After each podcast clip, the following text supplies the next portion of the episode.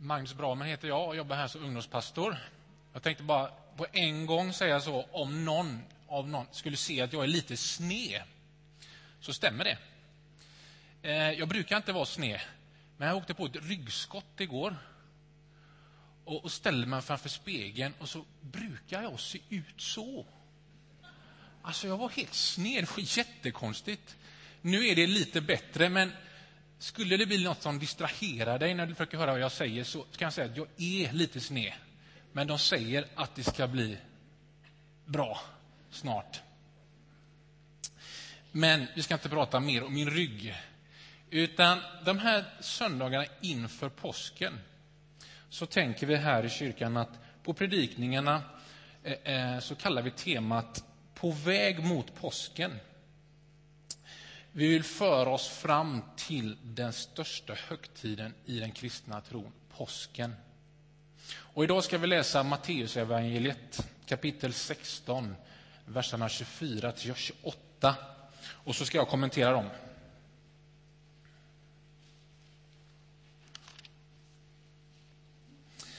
Sidan 692.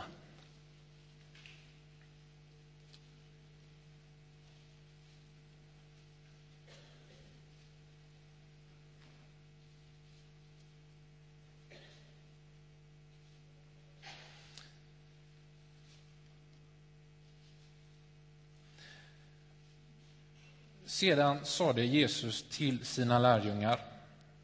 Om någon vill gå i mina spår måste han förneka sig själv och ta sitt kors och följa mig. Ty den som vill rädda sitt liv ska mista det, men den som mister sitt liv för min skull, han skall finna det.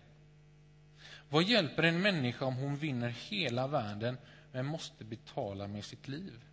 Med vad ska hon köpa tillbaka sitt liv? Människosonen ska komma i sin faders härlighet med sina änglar och då ska han löna var och en efter hans gärningar. Sannerligen, några av dem som står här ska inte möta döden förrän de har sett Människosonen komma med sitt rike.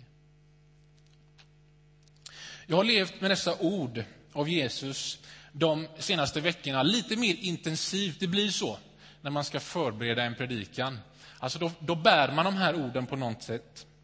Eh, och de finns där, men också för att de har gjort någonting med mig. Jag skulle vilja hävda det. Och är du en kristen så kanske du har hört de här orden, orden många gånger förut. Många gånger. Har du inte hört de här orden förut från Jesus så kanske de känns långt borta och svåra att ta till sig. Men jag hoppas efter att jag kommenterar kommentera de här så ska de få göra någonting med oss allihop beroende, eller oberoende på var vi befinner oss någonstans. Saken är ju den att vi människor vi försöker förstå oss på livet. Och jag tycker att vi är ganska bra på att hitta olika lösningar utifrån vi kan liksom försöka förstå mer av det här livet som vi lever. Och Den här lösningen blir liksom en utgångspunkt, vilket vi försöker, försöker tolka och förstå vår verklighet. Socialdemokraterna vill göra en nystart inom partiet och det talas om att man behöver en ny berättelse. Som jag förstår det en slags utgångspunkt för att driva en politisk riktning. En övergripande berättelse för att skapa förutsättningar för ett bättre liv. I DN förra lördagen fanns en artikel med överskriften Falukorv är vägen till frälsning i den nya matreligionen. Det var en artikel som belyste trenden av mat som avspeglas i tv. Titta på tv-tablån. Hur många program finns det som, som handlar om mat? Det är enorma mängder. Du har tidningar, affärer, i samtalen och i hemmen så finns det en mattrend. Verkligen. Björn Wiman skrev det finns mycket som tyder på att just matlagning blivit en av vår tids viktigaste religiösa substitut. Och så skriver han också, inte minst det massmediala matlagandet antar allt större likheter med kyrkans liturgi.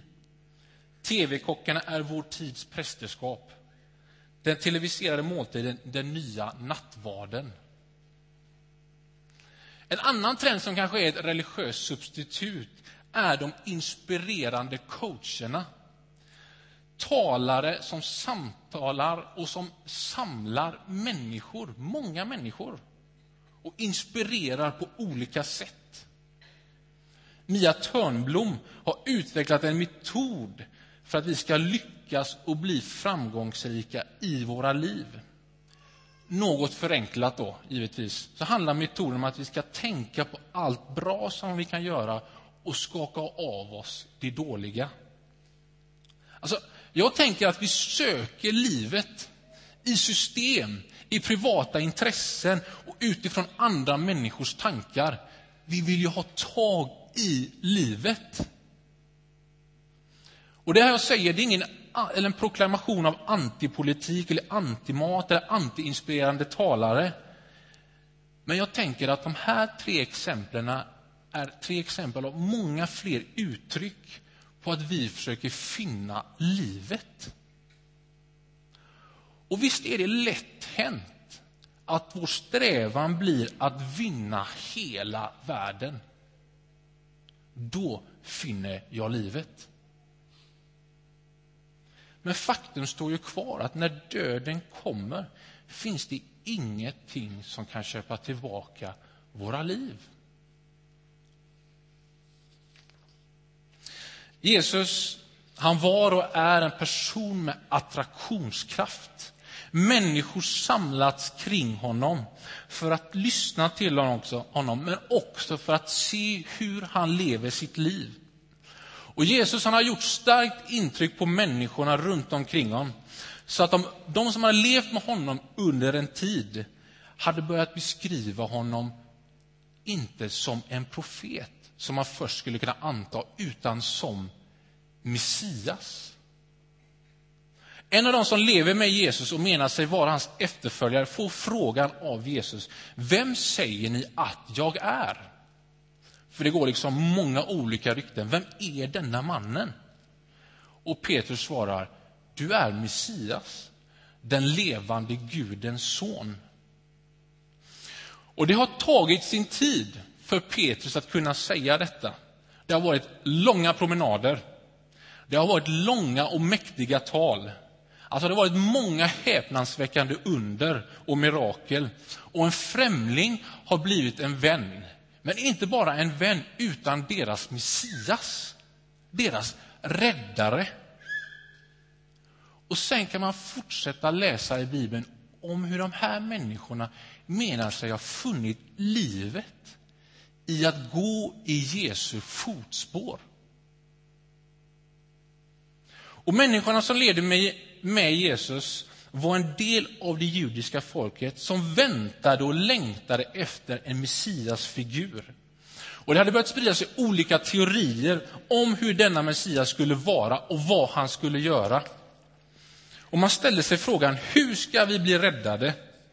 Och vanligaste teorin på den här räddningsaktionen var att räddningen skulle komma genom svärdet. Men Jesus menade någonting annat. Han menar att räddningsaktionen var och är genom honom. Genom att mista sitt liv för hans skull och gå i Jesu fotspår. Ty den som vill rädda sitt liv ska mista det, men den som mister sitt liv för min skull, han skall finna det. Dessa ord kan ju låta som dårskap. Men de kan också låta som Guds kraft. Alltså människor har skrattat åt dessa orden. Åt Jesus, åt kyrkans ord, att försöka säga detta. Men andra har också vänt sitt liv efter dessa ord och menat sig att det är Guds kraft. Om Jesus var och är en vishetslärare så är de här orden absurda. För vilken människa kan hävda att räddning finns genom att mista sitt liv för min skull och du ska finna livet genom det. Säger jag det så är det ju helt absurt. Men om orden från en nära vän till Jesus, om de stämmer, du är Messias, den levande Gudens son, då blir ju orden till räddning. En Guds kraft. De som hörde orden live reagerar antagligen på att Jesus talar om att ta sitt kors. För nu får vi tänka att detta är innan påsken. Och då förknippades korset med romerskt avrättningsredskap som innebar en oerhörd skam för den som skulle avrättas och för givetvis familjen. På ett kors avrättades politiska rebeller och slavar. Och I den judiska tronen, i traditionen så var att hängas på en påle det var en förbannelse. Så det är inte omöjligt att när han talar om att ta sitt kors, att detta uppfattas som dårskap. Men i ett efter perspektiv förändrades dårskapen för den gemenskapen av människor som samlats kring Jesus. Och man började prata om att ta sitt kors och följa Jesus. Och det hade blivit en Guds kraft. Genom lidandet och smärtan gick Guds son för att besegra mänskligt maktbegär, politiskt rävspel, dödens och ondskans makt, då avrättningen, döden, mörkret inte var slutet, utan uppståndelse, liv, kärlek och ljus hade det sista ordet. Guds kraft. Jesus räddningsaktion var en resa av att dela livet, dela gemenskapen, se de minsta, utmana till ett kärleksfullt liv, be och utföra Guds verk, uppleva glädjen och tacksamheten över livet, över människor, över Gud. Jesus levde bönen, låt ditt rike komma.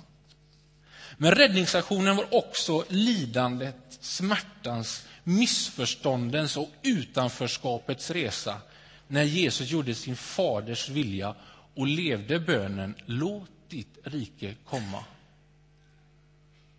Alltså, ta sitt kors är lidandets väg, men samtidigt hoppets väg. För i Jesu fotspår sa aldrig lidande, smärta och död sista ordet, utan uppståndelse, liv, kärlek och ljus. I sådana fotspår kan det vara värt att förneka sig själv. Är det för en sådan Messias, en sådan räddare, en sådan Gud som det är värt att förneka sig själv? Det är bara en fråga du själv kan svara på. Men vi försöker vara en gemenskap som svarar ja på den frågan. En sådan Messias kan vi förneka oss själva för. Förnekandet handlar om lojalitet. Vem ska du följa? Vem ger livet riktning? Vem är Herre? Vem får vara rösten som talar om vad ditt liv ska handla om? Är lojaliteten till dig själv? Eller vem har du din lojalitet till? För lura inte dig själv och säg att Nej, men jag har inte lojalitet till någon. Jag följer inte någon. Det är en lögn, tror jag. Alla följer någon. Alla har ju lojalitet till någon eller något. Vad tänker du? I Jesus kan man se Guds kraft. Guds kraft att utstå lidande, att ta sitt kors för att Guds vilja ska få ske. Guds kraft att ge hopp. Lidandet och dödet har inte sista ordet, utan Gud ger hopp. För i Jesus kan man se och tro på att Gud har sista ordet. Idag kan tron på Jesus ge oss hjälp att inte ge upp i lidandet utan hoppas på Guds kraft. Man kan försöka bära sitt kors, för man går i Jesu fotspår. Mästaren har gått före. Jesu kors är tomt. Graven är tom. Om man går i Jesu fotspår kommer man gå samma väg. En dag kommer korset vara tomt. Graven kommer vara tom för dig. Är inte det hoppets ord? Och hoppets ord, se, jag gör allting nytt. I höstas hade jag möjlighet att åka till Indien. Och vi landade i Bombay. Och jag hade hört om misären i Indien. Det är ofta det man hör. Att det är ett land drabbat av enorm fattigdom. Och det är det ju. Men i Bombay de senaste 5-10 åren så har det skett en enorm utveckling. Alltså det är en av de städerna i världen det är dyrast att köpa lägenhet bland annat. Så det finns enormt mycket pengar i omlopp. Och I detta stad så blir klyftorna så otroligt synlig. Alltså det finns den här extrema lyxen. Men det finns också den här extrema fattigdomen, att människor lever på gatan. Ändå är min känsla att, att man skulle kunna säga till någon att åka till Bombay och planerar man väl så skulle man kunna vara där ett tag och inte behöva se fattigdomen. Du lägger upp det så bra. Du beställer en bra taxi, du åker till de fina delarna, du spärrar in dig på de här stora hotellkomplexen, så är du där. Så är det nästan som att du inte behöver se fattigdomen. Det är ganska enkelt att se en del av Guds rike. Glädjen, tacksamheten över familj, över vänner, över mat, över intressen. Alltså glädje och tacksamhet över livet. Det är ju en del av Guds rike, tänker jag. Men en annan del av Guds rike är lite svårare att se. Att människor lider. Alltså jag vet bakom mig själv hur obekväm jag blir när man märker att någon inte mår riktigt bra. Alltså sådär, man skruvar på sig, man vill helst nästan bara fly. Va? Det blir lite enklare då.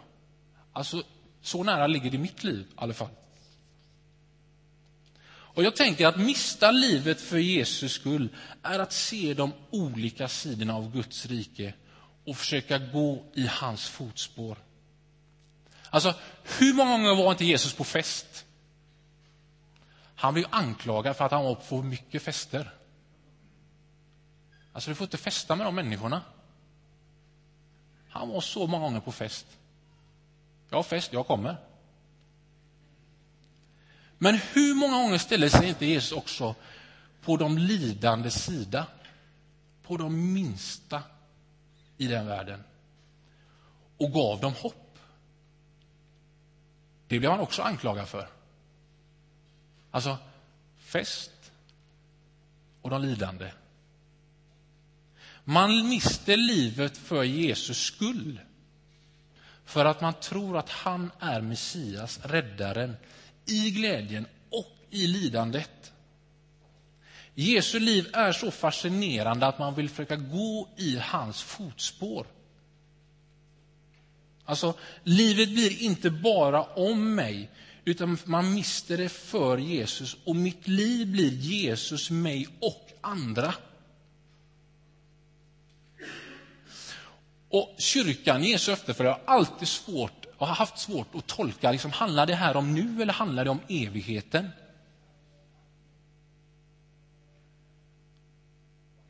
Men kan det inte vara både och? Mister man sitt liv för Jesus, alltså man vill försöka leva ett liv, gå i Jesu fotspår, så räddas man till evigheten, men man finner livet också här och nu. Hur får vi kunskap om livet? Alltså, jag ställer mig för den frågan. Hur får man tag liksom, hur lever man sitt liv på bästa sätt? Alltså, hur kan man ta vara på sitt liv? Sen får man få lite perspektiv på saker och ting, att man, att man har det så bra att man ens kan ställa sig den frågan. Då, då har man det bra alltså. Alltså, hur kan jag ta vara på mitt liv på bästa sätt? Det, det är en god utgångspunkt. liksom. Men om man ställer sig den frågan då. Finns det typ, alltså jag vet inte om, om eh, många av oss liksom, ni ska ha tag i de bästa grejerna, går man in på Price Runner. Och så ska man ha en vara där, så hittar man bästa pris liksom, och jämför de olika sajterna vad de säljer för. Liksom. Finns det någonting när det gäller livet? Life Runner. Såg ni min snygga koppling där? Eh, alltså, om du vill ha tag i livet, hur lever du livet på bästa sätt? Alltså, jag tänker att Jesus sätt att leva, det är väldigt vardagligt, men också med en mycket större dröm. Men det är också att inse att den drömmen går in i det vardagliga livet. Drömmen finns mitt i vardagen. Att gå i Jesu fotspår är att jobba. Det är relationer, det är mat. Men det är också att se de minsta, att samtala om Gud och Guds rike, att be och hoppas på helande och upprättande. Alltså livet är glädje och tacksamhet, men också en uppoffrande livsstil att gå lidandets väg för Guds rike och för andra. Tron på Jesus ger hopp, men motiverar också till att ge hopp. Man är beredd att bortse från sina egna intressen eftersom Jesus gick den vägen. Kan du finna livet i detta? Du måste prova. Ingen kan göra det åt dig. Men i ett sådant liv är vi alltid på väg. Ingen är färdig. Man lär sig. Man går i Jesu fotspår. När känner man sig som mest levande? För mig är det när jag känner att ah, men nu har jag fått göra någonting som betyder något för någon annan. Alltså då känner jag mig som mest levande. Jag tror det. När man känner att amen, mitt liv, mina ord, det jag försöker göra, det, det gör faktiskt någon slags skillnad för andra människor. Kan det vara så? Också bara för att kommentera några av de andra verserna i den här texten. Jesus skall komma tillbaka.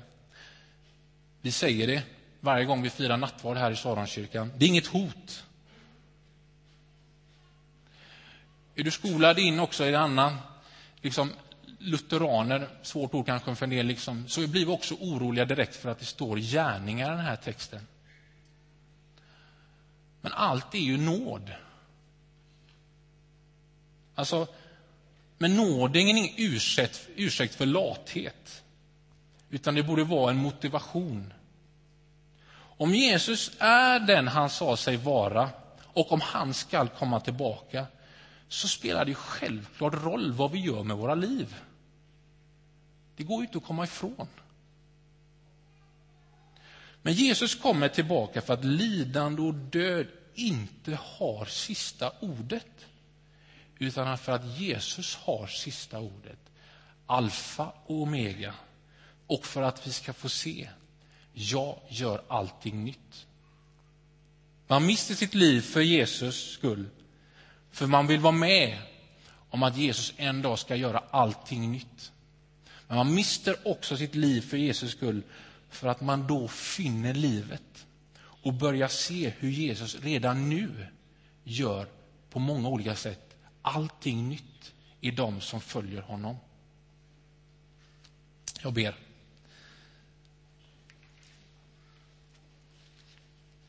Herre, jag vill tacka dig för dina ord. Det är tacksamhet, men samtidigt också lite bävan. För du är god, Herre. Du är kärleksfull. Men du är också utmanande och inspirerande ut i fingerspetsarna till att leva ett liv, Herre, utifrån nåden, tron på dig, tillhörigheten, att få ropa till dig, Abba fader, men samtidigt att vara med i ditt rike, Herre.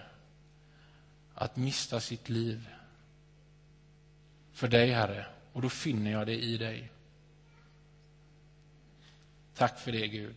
Du ser hur vi tänker, Herre, hur vi mår kring detta. Utmana oss, inspirera oss, trösta oss, Herre. Helig Ande, andas på oss.